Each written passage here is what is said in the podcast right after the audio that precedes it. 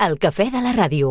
Allà on siguis, escolta'ns online. En directe.radiosabadell.fm Esquerra i el PSC han tancat un acord per als pressupostos de 2024. El pacte va culminar ja a la nit i avui, a partir de les 4 de la tarda, el president de la Generalitat, Pere Aragonès, i el cap de l'oposició, Salvador Illa, signaran l'acord al Palau. Aquest és el primer pacte que assoleix l'executiu català per aprovar els comptes, si bé encara necessita un tercer grup que hi doni suport o s'abstingui. El govern confia en sumar els comuns i aprovar els pressupostos per tercer any consecutiu. En parlem aquesta hora amb el diputat del PSC, PSC al Congrés, el sabadellenc Paco Aranda. Molt bon dia.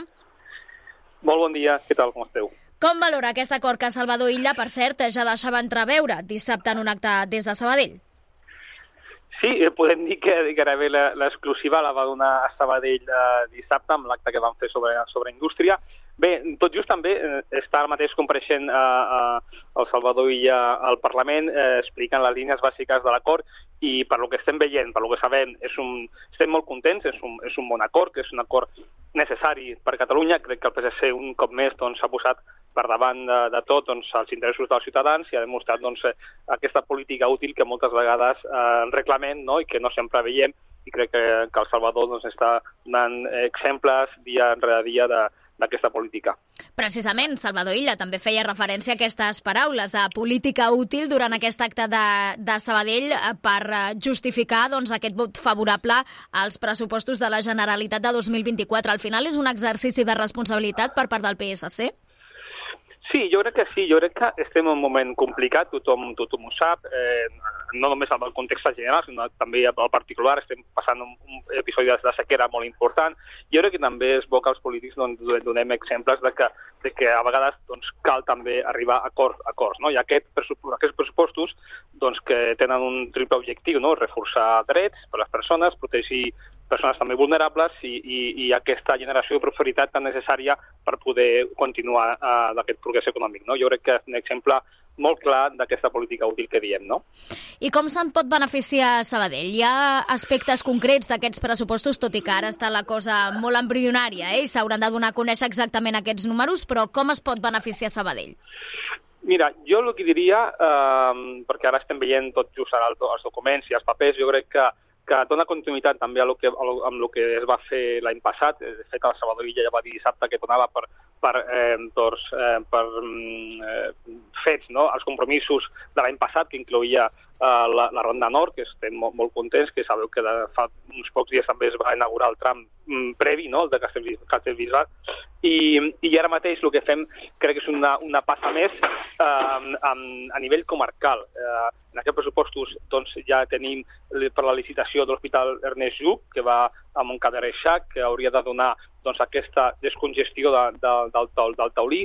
Tenim també eh, doncs, eh, l'estudi, no? l'estudi també d'aquest necessari túnel d'Horta ferroviari.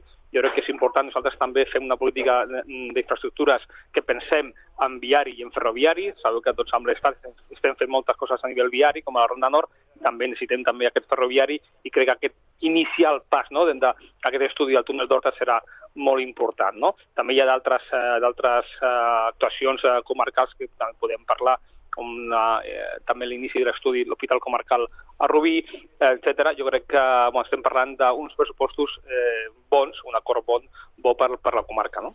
Ara, ara vostè em treia el tema, el tema de la Ronda Nord. En aquesta inauguració sí. d'aquest tram entre Olesa i Viladecavalls, el ministre de Transports, Òscar Puente, deia que la signatura d'aquest conveni, que ha de suposar un pas endavant per, per fer realitat la infraestructura, havia de ser imminent. No sé si vostè, eh, des de la bancada del Congrés, eh, té més informació sobre com, quan es podria signar aquest conveni.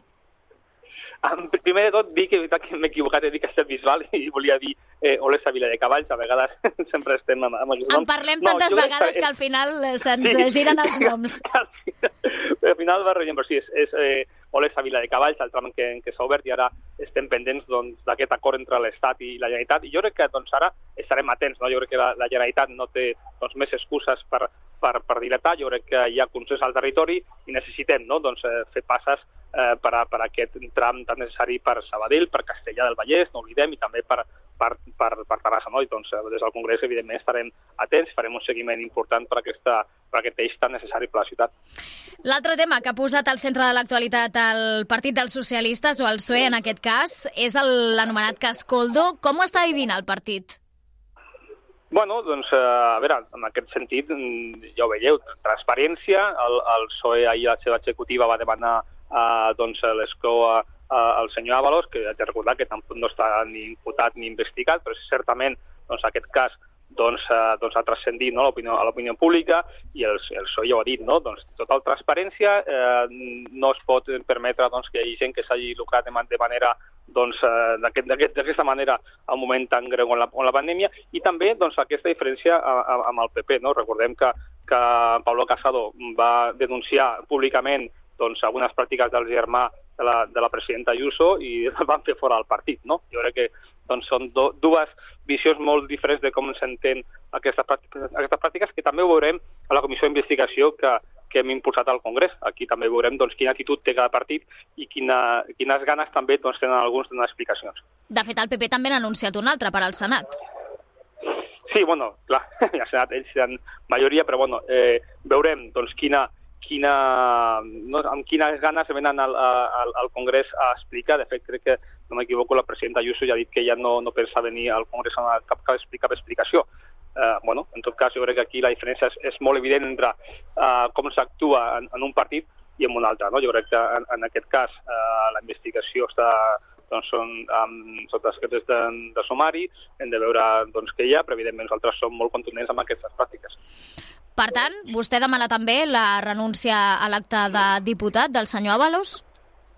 bueno, jo no soc ningú per demanar res, vull dir, aquí són els òrgans competents els que ho han de fer, aquí va parlar l'executiva del PSOE el, el dilluns i, i es va expressar la seva portaveu, vull dir, no, no, no, no soc ningú tampoc per demanar a ningú perquè no, no, no, no em compet, però sí que uh, el PSOE ahir va tenir la seva executiva, la portaveu va sortir i va fer aquestes declaracions i, bueno, eh, això el remeto. En qualsevol cas, eh, creu que tot això, tot aquest grigall que, que s'ha doncs, que, que ha saltat a la llum pública, tot aquest cas, fa mal a la imatge de, del PSOE? Bueno, no sabria dir-te si a la imatge del PSOE. Jo crec que el PSOE en aquest sentit ha estat bastant eh, contundent i sempre, sempre ho ha sigut. Altres, eh, els socialistes hem tingut una posició molt contundent amb, amb les pràctiques eh, de corrupció o presumpta corrupció. En aquest cas també tot el que estigui sota actuació judicial, doncs també hem de respectar l'actuació judicial, presumpció d'innocència i, les, i les pràctiques que, eh, que puguin, eh, les diligències que puguin fer eh, als jutjats. En aquest sentit, nosaltres sempre hem, intentat eh, doncs, hi ha aquesta mm, posició de transparència i màxima col·laboració sempre amb la justícia, evidentment. Pau Aranda, diputat saladellenc del PSC al Congrés, gràcies per atendre avui la trucada del cafè. Bon dia. Bon dia a vosaltres, vagi bé. El cafè de la ràdio.